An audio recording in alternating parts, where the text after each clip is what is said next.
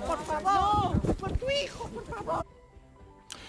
Por mor desta agresión, a seguridade vai se reforzar nos próximos días, segundo informou o Tribunal Superior de Justiza de Galicia. A plataforma de víctimas reseita a violencia, pero pide poñerse na pel de quen perdeu a un fillo naquela trasedia ferroviaria. Este primeiro día do macro proceso estivo marcada precisamente pola dor das vítimas presentes ás portas do edificio da Cidade da Cultura onde reclamaron xustiza despois de tanto tempo do sucedido. E o ministro da Agricultura e Pesca anunciou vos no Congreso que España recorrerá ante o Tribunal de Xustiza da Unión Europea o peche decretado pola Comisión á actividade pesqueira de fondo en 87 zonas do Atlántico. Luis Planas di que a información científica que manexou a Comisión é insuficiente. E abrimos na crónica a Fiestra da Cultura Científica con Efervesciencia, que hoxe comeza a súa temporada número 16 na Radio Galega. Manuel Vicente, boas noites, o programa Boas de... noites, José Luis. Sí, efectivamente, iniciamos a nova tempada con moitas ganas. E vai ser, como dis, un programa moi musical, porque imos explorar as conexións entre a ciencia e a música. E para isto estivemos en Naucas Bilbao, para conversar desde o Palacio Escaldún con Almudena Martín e tamén no auditorio da Fundación de Vigo, onde falamos co músico Abraham Cupeiro. Escoitade.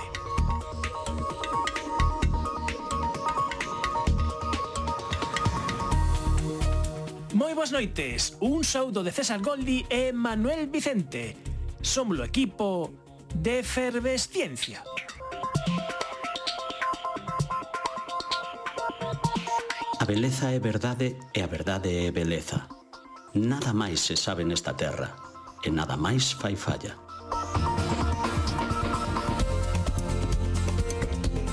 Isto é do poeta John Keats. Que é unha fórmula bela para un físico? Unha resposta rápida serían aquelas fórmulas compactas, simétricas e elegantes nas que en poucos caracteres concéntrase unha idea potente O físico Paul Dirac levou este pensamento ao extremo. Deste xeito, por pura necesidade estética, chegou a postular a existencia dunha partícula de carga oposta ao electrón. Algo impensable en 1928, pero que se confirmou 4 anos despois co achado do positrón. Moitos grandes científicos conseguiron os seus achados a partir dun marco mental que equipara beleza matemática á verdade, e non poucos deles tiñan relación coa música. Nesta edición efervescente mergullarémonos na armoniosa relación da música e a ciencia. Benvidos a Efervesciencia, hai outros mundos, pero están neste. Efervesciencia. Doses de ciencias en contraindicacións. Patrocinado pola FECIT, Fundación Española para a Ciencia e a Tecnoloxía, Ministerio de Ciencia e Innovación, unha colaboración da Universidade de Santiago e a Radio Galega. O apoio da Xencia Galega de Innovación da Xunta de Galicia. I'm a statistic. I'm a statistic.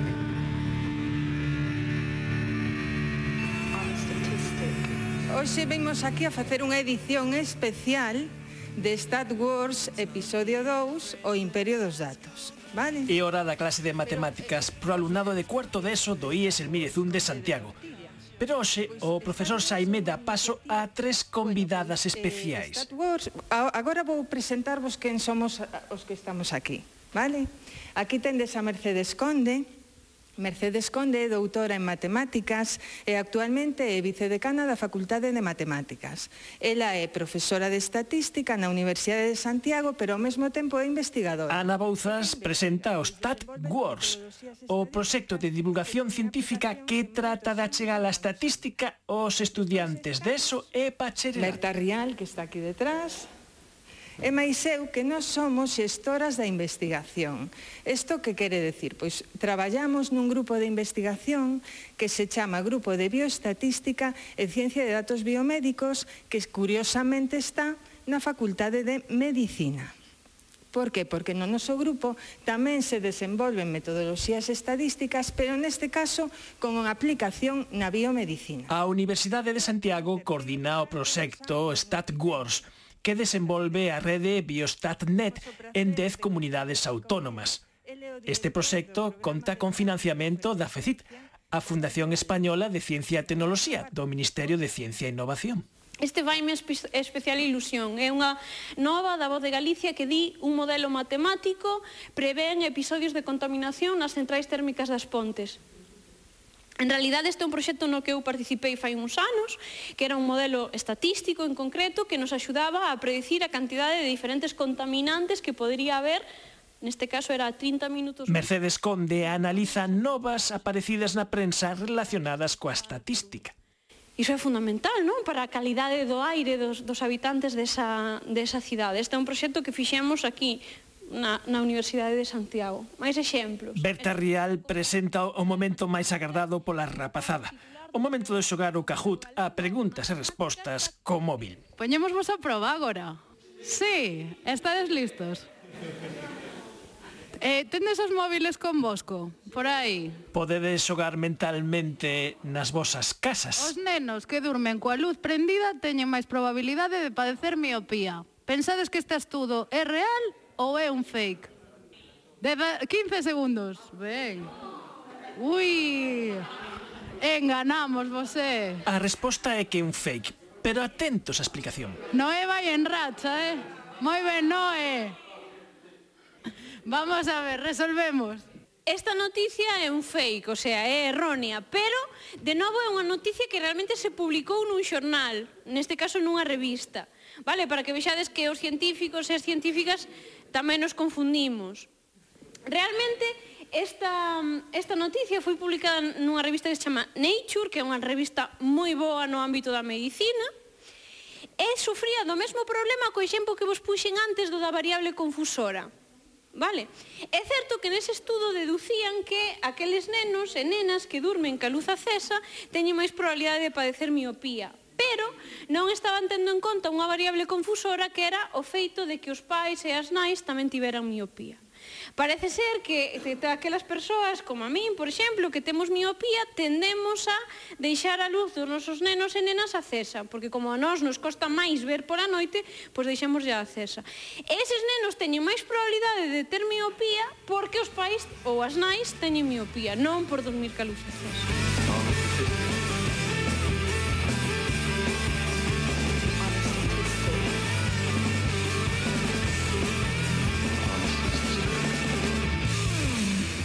Isto que vimos de escoitar foi un obradoiro de estatística no IES el 1 de, de Santiago. Mercedes, boas noites.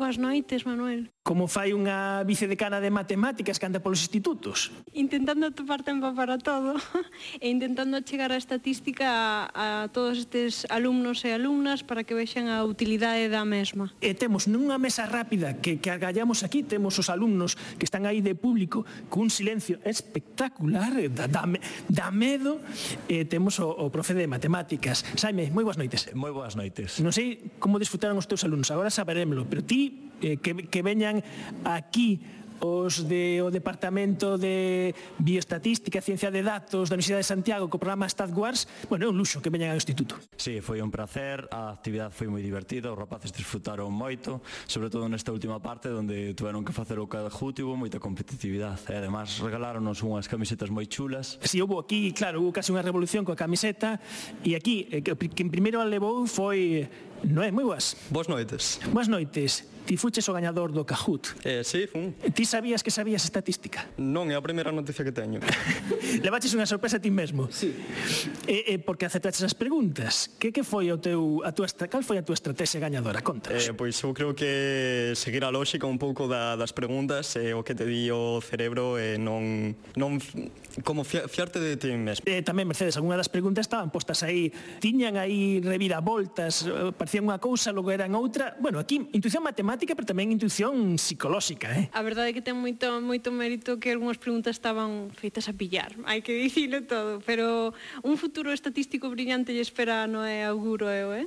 e algún dos alumnos que esta tarde estiveron a participar neste obradoiro eh, de Stat Wars que ten unha camiseta ben chula onde aparece, a ver, facedme a descripción, non é? Como é a camiseta?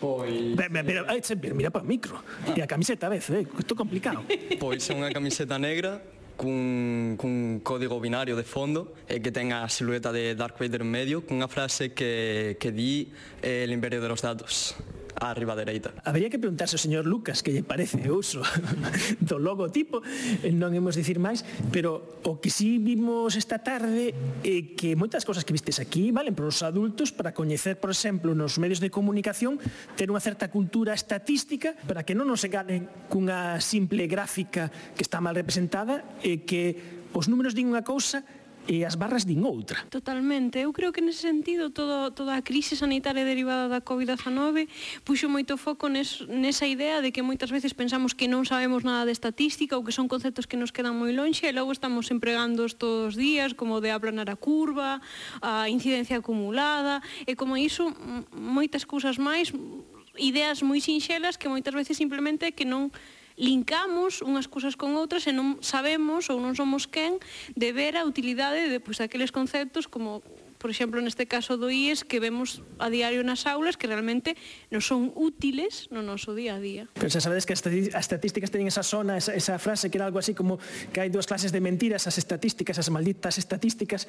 Bueno, tedes que facer camisetas con esa, con esa frase tampouco hai que meter o dedo na herida, non?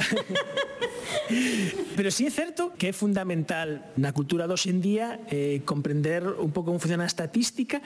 Eu coido que incluso os medios nos pasamos demasiado, incluso na, na, na pandemia, porque facíamos un seguimento tan exhaustivo dos datos que si medraba dun día a outro, pero inda que a tendencia fose baixar, o titular era que medraba, mes que baixaba.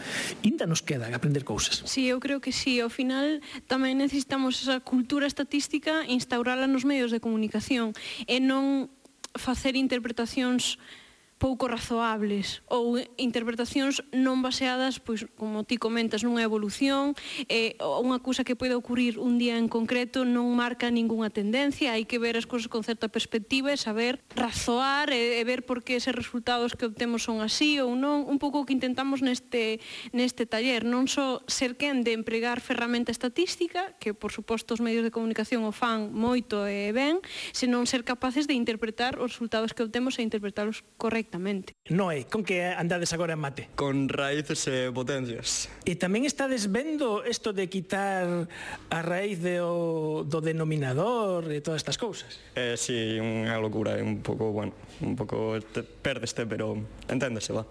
A ver, Saime, a ver, un, un ánimo de para que valen todas estas cousas que están estudiando agora.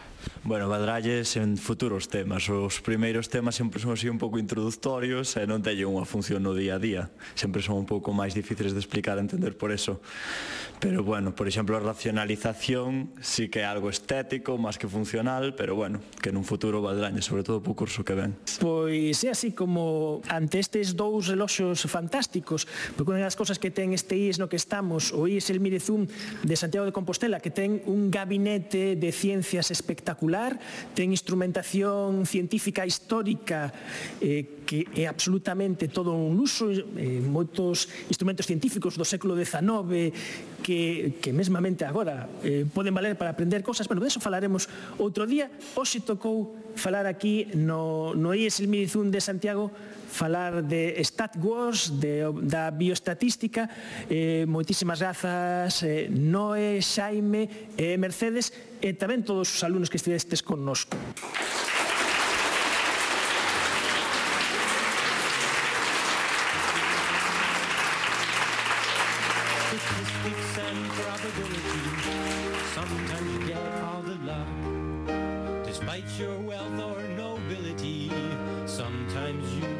Ímonos coa música a Bilbao. Efervesciencia,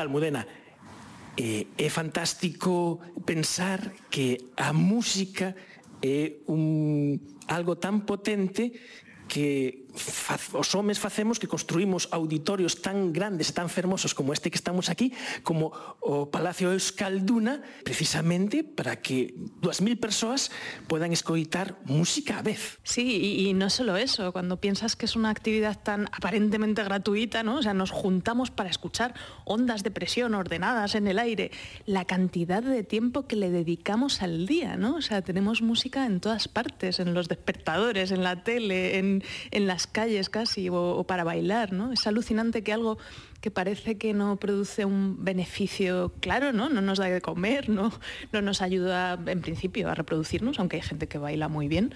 Aún así, eh, es algo que, que, que es súper importante en nuestras vidas, ¿no? que, que nos une mucho a los demás y a lo que le dedicamos muchísimo tiempo, aparte de auditorios, claro.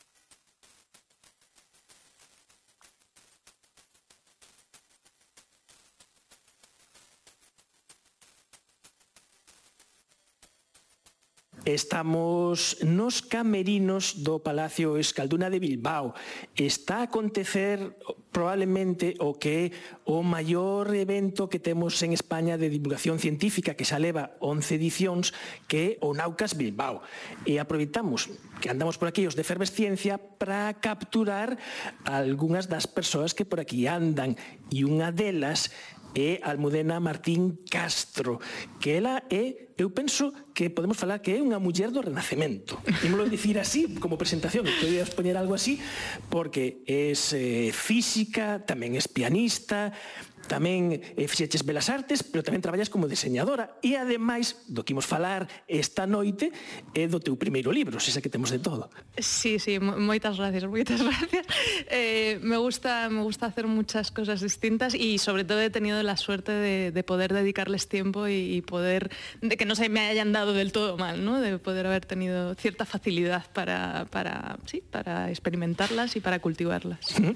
E ese primeiro libro chamase La lira desafinada de Pitágoras, editado en Harper Collins editorial. Eh, e claro, isto é un libro, pero é do tipo de libros que eu penso que teñen que levar asociado unha lista de reproducción, unha lista de, de cancións eh, para escoitar o libro, porque está cheo de referencias. Eh, e algunhas, ímolas escoitar esta noite. Eu eh, vou poñer cousas e ti me dis o que son, e, e nos ilustras.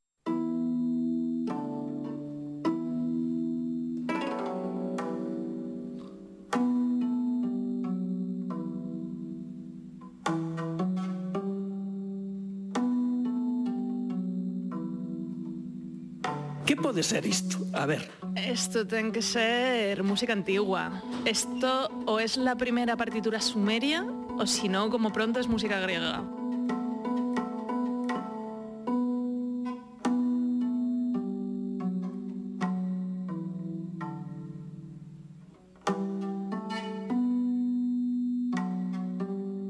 probablemente la sumeria. Eh, primeira música, aí, aí estaba, aí estaba, aí estaba. E a primeira partitura, unha cousa que descubrimos, claro, algunha ten que ser a primeira partitura da historia.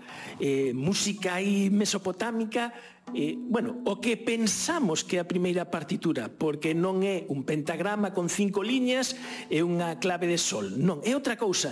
E aquí está unha das primeiras claves deste libro, porque este libro eh, mistura, fai unha trayectoria das conexións entre a ciencia e a música e particularmente entre as matemáticas e a música. Como é esta primeira partitura? Pues esta Claro, eh, resulta difícil de decir porque hay muchas interpretaciones distintas de, de, cómo pudo ser esta música, ¿no?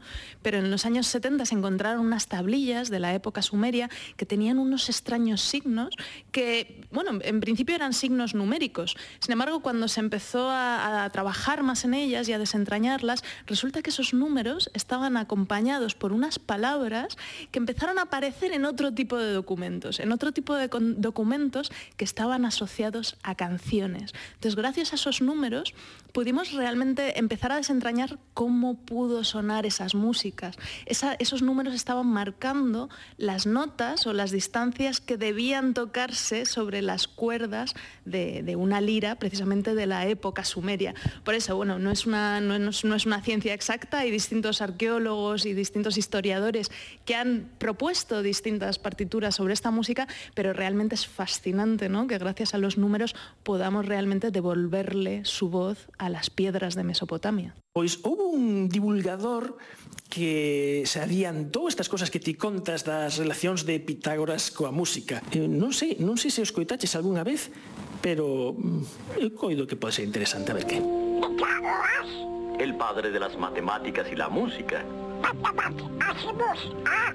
Te vas a dar cuenta de que existen matemáticas aún en lo que menos te imaginas. Hombre, el Pato Donald. O Pato Donald. gran divulgador, gran, por supuesto. Gran divulgador. O Pato Donald, o, o Pato Donald e as matemáticas. Mira, primero necesitaremos un hilo. Hay que ponerlo bien tenso. Tócalo. Ahora divídelo en dos. Tócalo otra vez. Claro. ¿Te das cuenta? Es el mismo tono, Está pero una describiendo octava las más notas alta. de un acorde, Vuelve a que realmente la salen... Y la Eso. siguiente. Pitágoras descubrió que la octava tenía una proporción o radio de 2 a 1. Mediante simples fracciones logró esto. Y de esta armonía matemática nació nuestra escala actual. Salen de los números que descubrió Pitágoras. O sea, son sonidos, los sonidos del acorde. Que parece como el... parece la sintonía de Renfe, pero en realidad son las notas de un acorde. Realmente salen de esas proporciones que descubrió Pitágoras, ¿no? De los números 1, 2, 3 y 4. E, e ademais neste corte eh, no que o Pato Donald explica moi ben isto de eh, o que se atribuye que fixo Pitágoras, porque claro, Pitágoras é unha figura máis lendaria que real, ou das cousas que sabemos, non? En Pitágoras, cando as cousas que escoitamos de Pitágoras moitas poden ser probablemente os pitagóricos, Pitágoras e os seus amigos, a súa secta, poderemos dicir, hoxe, hoxe en día, Eh, e, e ademais neste corte de, de o Pato Donald e as matemáticas, claro, explica moi ben como dividindo unha, cor, unha corda pois, a metade pois, produces unha frecuencia unha oitava, pero logo a música esa que, que, que toca é unha música perfectamente mm, afinada consonante o noso estilo de música mm, actual occidental. E claro, aquí o Pato Donald se deixa moitas cousas que ti contas no libro de por que eh, esa música, esa lira que podría tocar eh, Pitágoras eh, realmente non estaba afinada como, como afinaríamos hoxe. No, realmente, y de hecho esto fue un, un grandísimo problema matemático y, y, y musical que ocupó a pensadores de las dos ramas. O sea, por un lado los músicos y por el otro lado los físicos se preguntaban cuál era la mejor manera de afinar un instrumento. Porque pa- para Pitágoras la única manera buena de afinar un, instrumento era usar los números perfectos de su religión, ¿vale? Que, que- o sea, casi condensados en una cosa que era el tetractis, que eran los números 1, 2, 3, 4. Pero tú matemáticamente, si utilizas solo esos números para definir los intervalos de una escala musical, resulta que esa escala musical no cierra, ¿vale? O sea, esto eh, pues tiene su complejidad, pero básicamente es como que tú haces do, re, mi, fa, sol, la, si, do y no llegas al mismo do. Eh, O encuentras que los intervalos entre sí no son iguales. Entonces, para poder encontrar una solución a este problema fue necesario esper- esperar hasta la época del Renacimiento y no solo eso, sino que el intentar resolverlo llevó al descubrimiento o a la formalización de un concepto matemático que es el de los logaritmos. Entonces, en ese concepto se basa la afinación que utilizamos tenemos hoy en día, que en, o sea, desde el punto de vista de pitagórico es más imperfecta, pero desde otro punto de vista es mucho más simétrica, que es la afinación temperada, el, el temperamento igual que se llama. E houve moitos científicos contas no libro, eh, La lira desafinada de Pitágoras, y moitos científicos que traballaron nisto de buscar precisamente unha escala que tivese precisamente que, pose, que fose práctica realmente. Sí, sí, sí, porque esto, por supuesto, es una historia muy compleja, ¿no? Realmente hay una, un, empuje tanto por parte de la música, porque la música se va haciendo más compleja, cada vez va cambiando más de tonalidades, pero claro, todos estos científicos que nosotros imaginamos como muy, muy parecidos a los de hoy, eh, en realidad eran científicos que habían estudiado música como parte de su formación matemática Kepler, Newton, Copérnico, todos estos pensadores realmente entendían la música como algo que estaba muy ligado a la aritmética, a la geometría y también a la astronomía. Y los problemas de la música, como era este problema de la afinación, les preocupaban. Entonces, por ejemplo, Newton tiene un tratado musical que se llama Of Music, en el que habla de este problema. O sea, Newton tiene un tratado musical en el que busca la forma mejor de afinar las cuerdas, de acuerdo un poco con las proporciones pitagóricas, pero intentando salvar también los problemas musicales que esa afinación entrañaba. Entonces, bueno, pues ahí hay propuestas de, gente que no te esperas, ¿no? Pues eso, Kepler, Newton, incluso Euler tiene propuestas de cómo afinar un instrumento, ¿no? Euler, eh, coñecido eh, para os profanos como Euler, eh, Sí, vale. Yo non sé si se lo pronunciado bien. Sí, sí, no, no está moi ben, está moi ben. No, temos aí a nosa colaboradora no programa que algún día vemos presentar, que é a nosa mm, a boa de Einster, e coñece, están aí no alén, e eh, de colega aí de, de, de Euler e moitos científicos máis. Pois mira, xa que falaches do amigo eh, Newton...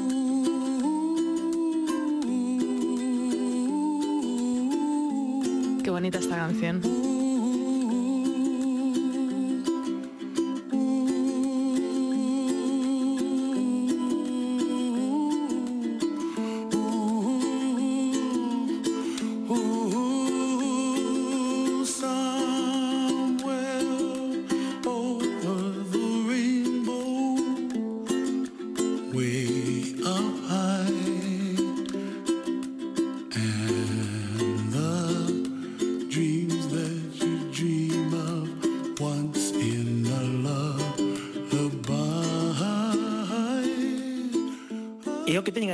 cancións que son capaces de meterse dentro dos nosos eh, eh, sentimentos e de, eh, de transmitir emocións. Cancións como estas é eh, puro optimismo. Sí. E además esta canción tiene también una, una historia muy bonita, porque esta canción al final es uno de los temas principales que apareció en la película de El mago de Oz. Y si cuentas las notas y, ves un poco la letra, la letra habla de saltar por encima del arco iris. Pero si cuentas las notas principales de la melodía, resulta que esa melodía hace un viaje a lo largo de las siete notas de la escala, ¿no? Hace somewhere Vale, pues si vas contando la bajada que hace hasta el final de la melodía, There's a place that I dreamt of once in a lullaby. Resulta que esas siete notas realmente representan lo que sucede en la película, ¿no? O sea, de alguna manera en el primer salto, en el de somewhere, hay un salto de siete notas, ¿no? Como si saltásemos los siete colores del arco iris, y luego en el resto de la melodía es un poco el viaje que hace Dorothy desde Oz hasta su casa, ¿no? Para volver al punto de inicio de la melodía. Entonces hay un paralelismo precioso, ¿no? Entre el tema de la canción y la película que, que acompaña. E non sei se se chegan a escoitar os aplausos que están eh, no, no, eh, no salón principal do Palacio Euskalduna, onde está a transcorrer Naucas Bilbao 2022, eh, que nos estamos lembramos aquí nos, nos camerinos. Eh, precisamente estas sete notas, este, este a, arco da bella, eh, precisamente temos a, a un gran, digamos, que un dos grandes senios da historia, falaches antes de Newton, pero que ás veces era humano, aparte do carácter, o mal carácter que tiña o amigo Newton, eh, esa mala eh, eh, ese mal humor que, que, que tiña e non era, digamos, unha así moi boa persoa, pois, claro, eso de facer as contas da abella, non? E de descompoñer a luz do arco da abella é dicir, teñen que facer sete cores. Ese nome san setes, hasta as inventamos. Sí, porque de hecho, claro, quien, quien quiera que haya visto un arco iris, realmente los colores del arco iris no, no tienen líneas entre sí, no están separados, ¿no? Realmente el arco iris es un continuo de color. Entonces, ¿cuántos colores tiene el arco iris? Pues todos los que tú quieras contar. Tú puedes decir que hay amarillo y naranja, o amarillo, naranja y anaranjado, y rojo fresa y, rojo melón, ¿no? O sea, realmente los colores forman un continuo, no, no hay un número exacto de colores. Sin embargo, eh, Newton eh, fue al final el científico que hoy es recordado por haber demostrado que tú puedes coger la luz blanca y dividirla en los colores del arco iris. Y cuando él hizo ese experimento, intentó de alguna manera cuantificar, intentó darle números a eso que había descubierto. Cuando lo hizo, como ya hemos dicho, pues Newton también había estudiado música como parte de su formación matemática, intentó ajustar los colores que veía a las notas de una escala. Y bueno, además una escala muy, muy precisa, ¿no? La escala dórica, una escala que empieza en re y acaba en re, que es súper simétrica. Eso encajaba especialmente bien con lo que él había estudiado. Entonces podemos decir que el- por un lado que el meme de las siete de los siete colores del arco iris Meme, esa palabra, es un claro. meme, sí. O sea, al final es una, una idea cultural que todos compartimos y que nunca sabemos muy bien de dónde viene. Bueno, pues el autor de ese meme es Newton. Pero además a mí me parece precioso que Newton también en sus, en sus teorías científicas dejase, eh, ¿no? Dej- dejase traslucir este trocito de su cultura musical. E aí está o añil, que se hai que poñer un añil, poñese un añil, ¿no? Sí, bueno, no, no sé qué opinará la audiencia. Desde luego yo, cuando de pequeñita me enseñaron que los colores eran todos los que yo ya conocía, ¿no? El amarillo, el verde, el rojo, esos son colores que están en nuestro día a día. Pero el añil, yo solo lo he utilizado cuando me hablan del arco iris. No sé, no sé los demás. Pois seguimos con, con músicas. Esta non está, creo que non está citada no libro, pero podría cadrarme.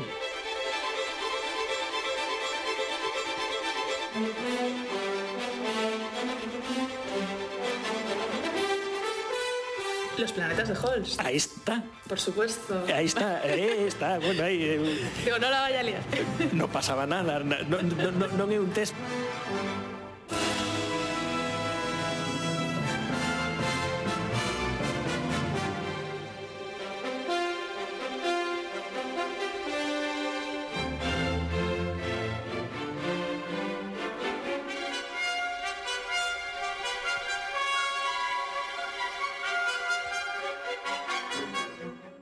planetas, música, neste caso eh, estamos a escoitar eh, eh, Xúpiter e unha parte eh, importante do libro eh, é precisamente ese máis alá de como precisamente o mapa mental que teñen as persoas que teñen a súa vida basada na música, ese mapa mental é, é un camiño que axuda a facer descubrimentos, axuda a ver a realidade. E que eso acontece especialmente, eh, estás co, contas con moito detalle na historia da astronomía. Sí, al final hay muchos astrónomos que, que, bueno, pues de nuevo, quizás hoy recordamos sus teorías pues más en, en aquello que acertaron, pero ciertamente cada época y la cultura de todos estos pensadores influyó fuertemente en cuáles eran sus teorías y la manera sobre todo en la que imaginaban el cosmos, ¿no? Bueno, y, y el cosmos sobre todo, eh, pues hasta, hasta el siglo XVIII, así, era principalmente el sistema solar, ¿no? Entonces, pues distintos astrónomos de distintas épocas incluso asociaron lo que conocían, ¿no? los planetas que conocían, a la música de su época. E temos aí, por exemplo, Galileo é fillo de Vicenzo Galileo, eh, laudista e aí o lauz e a música xoga unha parte importante e, e mesmo como sistema de, de medida e como sistema para realizar experimentos. Eh, hai por exemplo esta historia de que eh, se alguén vemos alguén eh, deitado no chan eh, podemos presumir que o mellor teña un ataque ao corazón eh, rapidamente se pensamos que non respira rapidamente chamar un 2 e aplicarlle a reanimación cardio eh, cardiorrespiratoria. E, e está a historia de decir, bueno, hai que facelo a ritmo de Macarena ou Steven, Steven Alive. Vale, porque sabemos que así se dan as 110 compresións por minuto que hai que dar. E Galileo facía o mesmo. Sí, Galileo, hay una cosa eh, curiosa, ¿no? Nosotros ahora tenemos como relojes de altísima precisión que para hacer experimentos científicos pueden ser, eh, ¿no? Te pueden dar el dato perfecto. Pero claro, los relojes de precisión son un invento reciente. Galileo realmente no contaba con un cronómetro para él poder estar haciendo sus experimentos sobre la aceleración y sobre la velocidad e ir tomando datos tan precisos. Entonces, lo que él hacía como la manera, digamos, la- la- la máquina accesible a su mente que le permitía producir un tempo más estable, unos unos intervalos de tiempo más estables, era una canción. Entonces se cuenta que cuando él estuvo, bueno, eh, estuvo estudiando cuál era la aceleración de una rueda que caía por una rampa. Pues ponía pequeños peldaños en la rampa para que esa rueda hiciese ruido y iba ajustando los peldaños hasta que el sonido de la rueda se ajustaba al tempo de una canción popular que fuese estable, ¿no? Entonces, realmente utilizaba ese mecanismo que tenemos nosotros, que reconocemos muy fácilmente el tempo de una canción. Todos sabemos dar palmas con la Macarena, todos, ¿no? Somos capaces de, seguir muy bien el ritmo. Pues eh, Galileo explotaba esa propiedad de la música y esa propiedad de, de nuestro propio sentido del ritmo para ser capaz de tomar medidas muy precisas en sus experimentos. Y acabas de decir un término eh, musical que é o tempo que canto de rápido ou despacio vai unha canción e, e un tema eh, paralelo a estas cousas que estamos a tratar, isto non aparece en, en la lira desafinada, pero que sí que contaches aquí precisamente en Naucas, eh, precisamente hai un ano, é toda a fantástica aventura que foi a investigación de que lle pasa o que lle pasaba o metrónomo de, de Beethoven que o metrónomo de Beethoven Beethoven eh, pioneiro en utilizar unha nova tecnoloxía que permite eh, poñer os músicos pois cantos pulsos por minuto ten eh, as súas partituras, pero resulta que o gran misterio no que vos dades unha, unha hipótese que é moi plausible que imos contar agora é que eh, todos os directores non lle facían caso o, sordo señal. Sí, es una, es una cosa que, bueno, eh, pues yo estudié en el conservatorio, ¿no? Y también conocí allí a Iñaki Úcar, que es el otro, el otro autor del artículo científico que publicamos. Eh, pues siempre te cuentan, ¿no? Y nunca entiendes muy bien por qué. Pero vaya, en el conservatorio a mí me dijeron que los tempos que escribe Beethoven en sus partituras no son muy fiables. Beethoven dejó, esto que os digo, los tempos son unas marcas numéricas que te dicen a qué velocidad tiene que ir la música. De manera que si yo pongo tempo igual a 100, eso significa que tengo que meter 100 pulsos en un minuto. Y si pongo tempo igual a 40, eso significa que tengo que meter 40 pulsos en, en un minuto, es decir, 40 es más lento que 100, ¿vale? Bueno, pues resulta que esto le- se es posible gracias a una maquinita que es el metrónomo.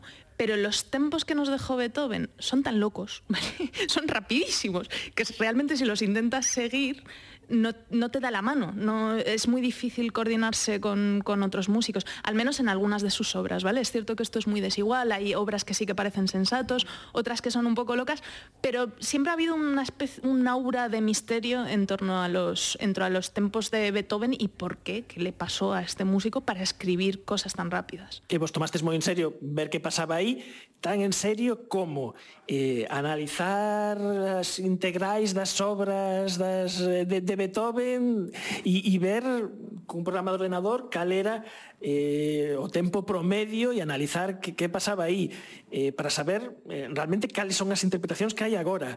Eh, ver modelos teóricos de metrónomos para ver se fallan. Coido que tamén destruístes non sei cantos metrónomos ou non, eso é un mito? Non, non, é verdad, é verdad. Rompimos bastantes metrónomos porque eh, eh, non sei se se fabrican moitos metrónomos mecánicos actualmente porque agora cun móvil tes a mesma función. Sí, es verdad, se, se han pasado un pouco de moda, yo creo que ahora es mucho más habitual utilizar un metrónomo digital, pero bueno, si quieres romper un metrónomo es posible, los, los en, bueno, en Amazon y en cualquier, en cualquier tienda de música yo creo que siguen teniendo metrónomos. Entonces, claro, nosotros lo que queríamos era comparar cómo toca la gente Beethoven y qué fue lo que Beethoven escribió para ver si existía una desviación sistemática, ¿no? Pero además también hacer un modelo físico de metrónomo que fuese capaz de- de reproducir exactamente los tempos de un metrónomo, pero rompiéndolo virtualmente, ¿vale? Como no, no- no nos queríamos arruinar comprando metrónomos, lo que hicimos fue romper unos cuantos nada más para medir exactamente su masa, la masa de la varilla, eh, a qué distancias tenía las marcas, para poder reproducirlo de manera digital, ¿no? de manera simulada. Y de esa manera saber de qué manera se puede romper un metrónomo y cómo encaja eso con las interpretaciones de la gente. Para ver de nuevo si existía una desviación sistemática entre las interpretaciones de los músicos contemporáneos de la música de Beethoven y las marcas que Beethoven escribió. E temos aquí os mm, compañeros de Naucas a todo meter, a todo meter. Bueno, pues eh, eh, está claro que estamos eh, que estamos aquí nun cruncho aquí dos do escalduna. Bueno, a ver, a ver, a ver, a ver, a ver, a ver como queda isto. Bueno, e, e unha curiosidade, antes de, de, de, de seguir, xa non nos queda moito tempo.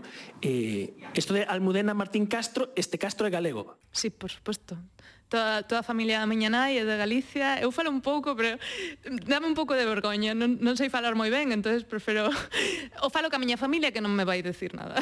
Ah, bueno, está ben, está ben, está ben, está ben. Pero sí, mi, mi, a, fa, a, a familia da miña nai é, é toda galega. E, e podemos facer unha cousa, se che parece, porque temos temos un exemplar eh, de eh, la lira desafinada de Pitágoras eh, que podemos sortear entre os nosos ointes.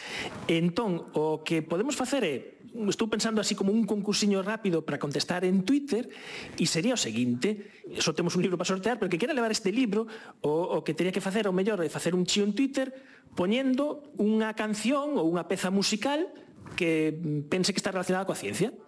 E entre as que poña o noso público non, sei se serán moitas ou poucas pois ou sorteamos ou ti escolles a que te parece a, a, a máis acitada me parece yo, creo, yo que iría al, al sorteo. A sorteo, sí, sí para sí, que non sí. haxa, para que, para que non haya sesgos. para que non haxa sesgo no vaya a haber algún primo mío por aí contestando la canción. Vale, pues todos os teus primos seguro que salieron o libro ¿no? ya, tamén es verdad, tamén es verdad. eh, vale, pois pues facemos o seguinte nada, imos dar unha semana desde que escoitades emitimos eh, na Radio Galega esta conversa con, con, con Almudena eh, para mandar chíos de así ampliamos esa lista de reproducción de música ciencia. Se quede justificar a vosa resposta está ben se non asumimos que eso vos llevedes algunha relación coa ciencia ah, porque esta canción eh, nada ten un ritmo moi moi ordenado e xa está. O que sexa eh, facer unha, unha playlist de música ciencia e entre as contestacións faremos un pequeno sorteo e quen, quen gane o sorteo levará, levará un exemplar do, do libro de Almudena, parece Me parece fenomenal, unha ideaza. Vale, e nada, xa última cousa, última canción.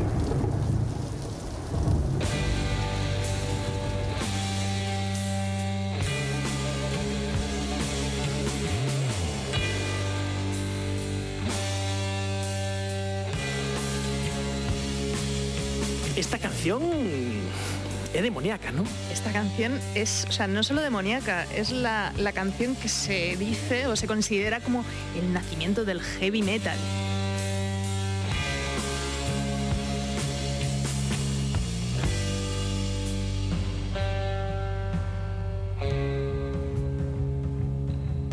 Y bueno, lo curioso es que, que, está muy vinculada a un intervalo musical que se conoce como el Diablo sin música. What is this that stands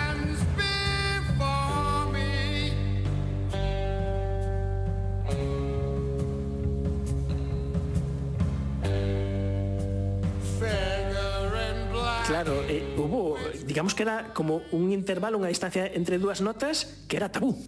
Sí, bueno, hay mucho mito también en Internet que dice que la Iglesia Católica lo prohibió. En realidad no hubo una prohibición como tal, no era pecado utilizar este intervalo durante la Edad Media.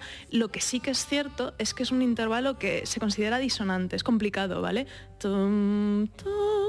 Es un poco tenso. Entonces eso hacía que bueno, pues que muchos coros en general se desafinase, fuese difícil de cantar, sonase raruno y bueno, pues en muchos tratados musicales se explicaba cómo esquivarlo.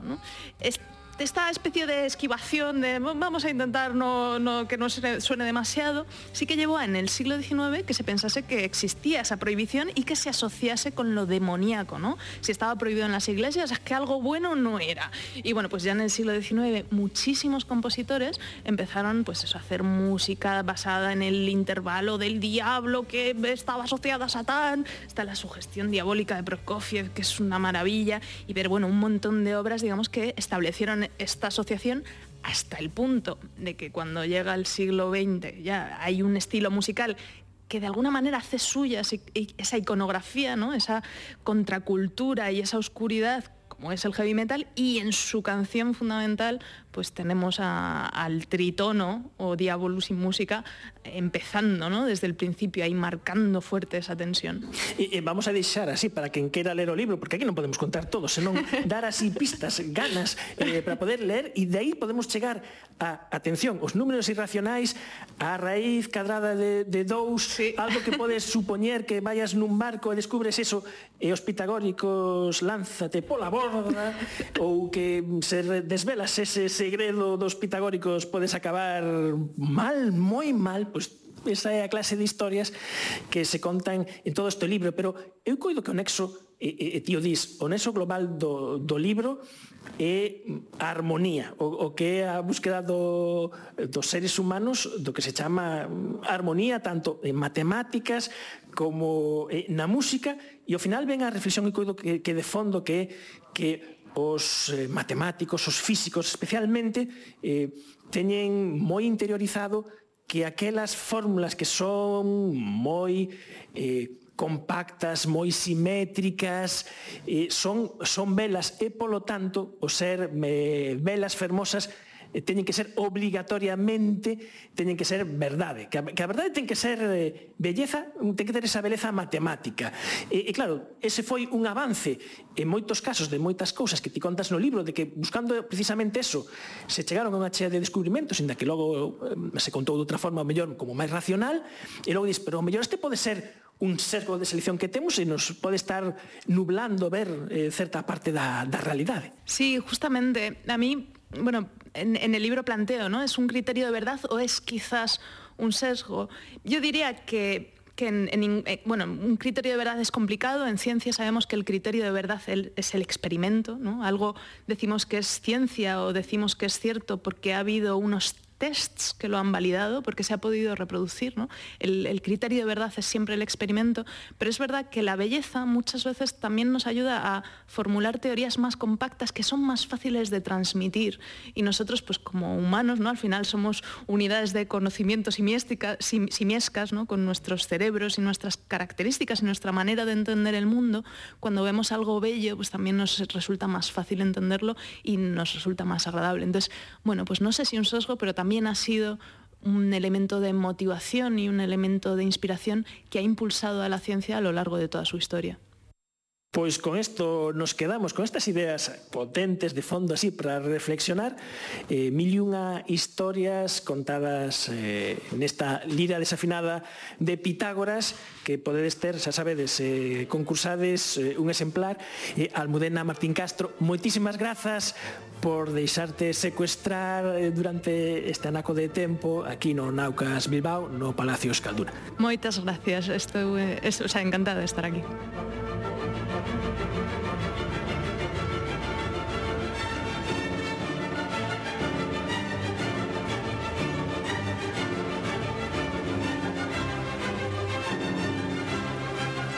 Esta foi a conversa que tivemos con Almudena Martín Castro nos camerinos do Palacio Escalduna de Bilbao. Nesta conversa hai un intre no que se escoita a actuación no escenario principal de Naucas de Joaquín Sevilla, Ignacio López Goñi e Javier Armentia. Daquela estábamos a falar do misterio do metrónomo de Beethoven e a resolución da historia quedou no aire. para que non quededes en ascuas. O que Almudena Martín e o seu compañeiro Iñaki Úcar atopan é que sistemáticamente os directores conducen as obras de Beethoven 12 pulsos por minuto máis lento que a indicación de metrónomo que o autor indicou en cada partitura. Logo de descartar un fallo do aparato, do que se decatan Almudena e Iñaki é que este erro sistemático equivale a ler mal a escala da variña do metrónomo. En concreto, a ler a indicación da velocidade un centímetro medio por debaixo da marca. O curioso é que a marca mide xusto un centímetro medio. A ver se vai ser que Beethoven, en vez de apuntar o número que aparece por encima da marca, apunta o de debaixo e isto é o que causa este monumental lío? Un achado posterior reforza esta hipótese. Na primeira páxina do manuscrito orixinal da novena sinfonía hai unha anotación a lápis do xordo señal que pon 108 ou 120. O metrónomo non estaba roto, simplemente era un señor maior ante unha tecnoloxía nova. E agora saltamos desde o Escalduna de Bilbao o Teatro a Fundación de Vigo. Necesito con urgencia la de Estamos na Ocean Night, a Noite dos Océanos, que se vai celebrar aquí en Vigo no Teatro A Fundación, onde trouxemos o equipo portátil de Efervesciencia. E temos a noso carón a Pepe Pintado. Pepe, moi boas noites. Moi boas noites. Pepe Pintado é o vicedirector de Cultura Científica do Instituto de Investigacións Mariñas do CSIC. E xa van uns cantos anos nos que argallades un proxecto que chamastes Neuston, que estudiades a confluencia entre o que facedes vos nos vosos eh, laboratorios e, e as diferentes artes e a cultura. Neuston, esa palabra que é tan difícil de pronunciar, sí. eh, engloba os organismos que, que viven eh, na interfaz eh, do océano entre a auga e a atmósfera. Ese, esa interfaz que, eh, que, que é máis heteroxénea dá lugar a unha maior diversidade de organismos e a unha maior diversidade de situacións que é o que collimos como metáfora para falar ou para chamarlle a este proxecto que o que pretende é dialogar eh, poñer en, en, en, en, en diálogo o, o, o coñecemento científico con outras formas de coñecemento, como pode ser a arte, a literatura, a música, etcétera. E no primeiro proxecto, se vos íades pola parte máis literaria, artística, Neuston 1, do que falamos aquí no seu momento en efervesciencia, o ano pasado, coa cantante asombrosa Mónica Denut, Neuston 2 e agora este Neuston 3 tiñades así o, o listón moi alto e cara, que fixestes, que pensastes? Bueno, nos é verdade que na primeira na primeira edición, no primeiro proxecto Neuston que se chamou Neuston Experimento 1, Pois sí, efectivamente, houve xente que nos dixo, oi, deixaches fora a, a música, as artes escénicas, etc. Entón, sempre pensamos, bueno, pois temos que seguir facendo cousas en, en outras. A verdade é que ideas non nos faltan, e, e o que eh, moi, o que anima moito é que cando lle facemos as propostas aos artistas, enseguida aceptan e iso é, dá moito, moito ánimo para seguir colaborando. Este ano queríamos, non sempre a noite dos investigadores queremos que sea un pouco, que sexa un pouco unha noite de, de celebración, de achegarnos á sociedade de outro xeito, bueno, xa damos charlas todo ano, visitas, obradoiros, tal. Esa noite ten que ser algo máis especial, é algo no que disfrutemos todos xuntos e nos permita comunicar. A arte, e sobre todo a música, é unha forma de comunicación que permite transmitir eh, ideas e tamén emocións. E por eso eu pensei en Abrán Cupeiro, que é un músico que é investigador, que traballa en na recuperación de instrumentos antigos e que une esas dúas facetas de artista e de científico. Adán Copeiro, moi boas noites. Boas noites. Non sei se, se é isto habitual de atender aquí os micrófonos aquí, neste caso de efervescencia da radio, a, a nada de, de, de estrear aquí este Neston, Neston 3. Non sei como te dixaches liar, foi tan doado como dixo Pepe. Pois sí, porque estamos, digamos, que todos no mesmo barco e cando te chaman para unha misión deste tipo para poder trasladar eh, todo o que esta xente fai para que a humanidade siga avanzando, pois ti o único que podes facer é coller un remo máis e poñerte a remar canda eles, pois co que sabes facer, non?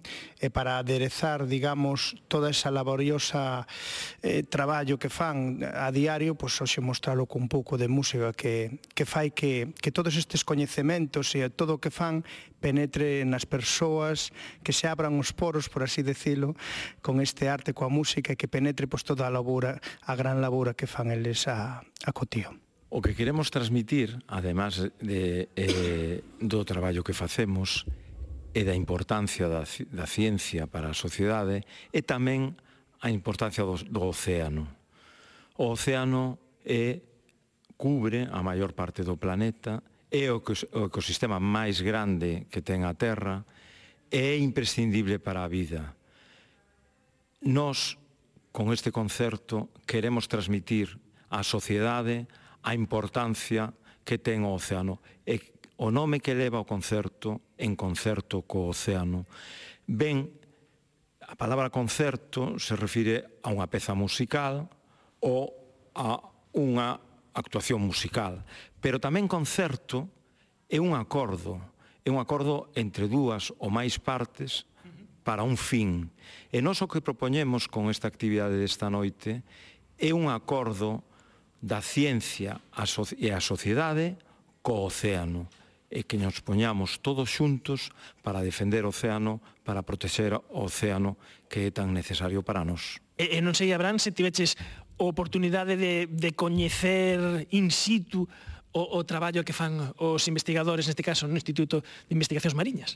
Pois sí, xa levamos varios meses, bueno, pois con chamadas, con mails, e tamén pois tive unha fortuna de achecar, de achegarme ao Instituto, ver as súas instalacións, falar cos seus traballadores, e a verdade que é un placer aprender de algo que ti non eres eres máis que un neófito e darte conta de como, bueno, pois eh, todas o tedioso que é facer todos estes experimentos que fan a prol da humanidade, porque eles sí que realmente son unha sorte de heróis que nos están dotando cada vez máis de medicamentos, de maneiras de axudar o océano, e a verdade é que foi moi emocionante, e bueno, pois eh, foi un foi un, é un, é un concerto especial porque ao mesmo tempo estás tes a responsabilidade de potenciar e de abrir as portas hacia moita xente que vai vir ao seu teatro para que se dé conta do que están a facer esta sorte de heróis. Xa debecemos pois escoitar dentro dun anaco este experimento número 3 de, de Neuston, esta interacción entre o mar, as ciencias oceánicas e a música, estivemos a falando aquí un anaco facendo un, un anticipo con Abrán Cupeiro, pois pues nada, eh, moitas grazas por, por nos acompañar. Un placer. E eh, con Pepe Pintado, vicedirector de, de Cultura Científica do Instituto de Investigacións Mariñas do, do CSIC. Eh, moitas grazas por, por esta iniciativa e nos quedamos aquí para escoitar. moitas gracias, moitas gracias, foi un placer. Escoitámonos dentro de dous mércores na Radio Galega. Adeus.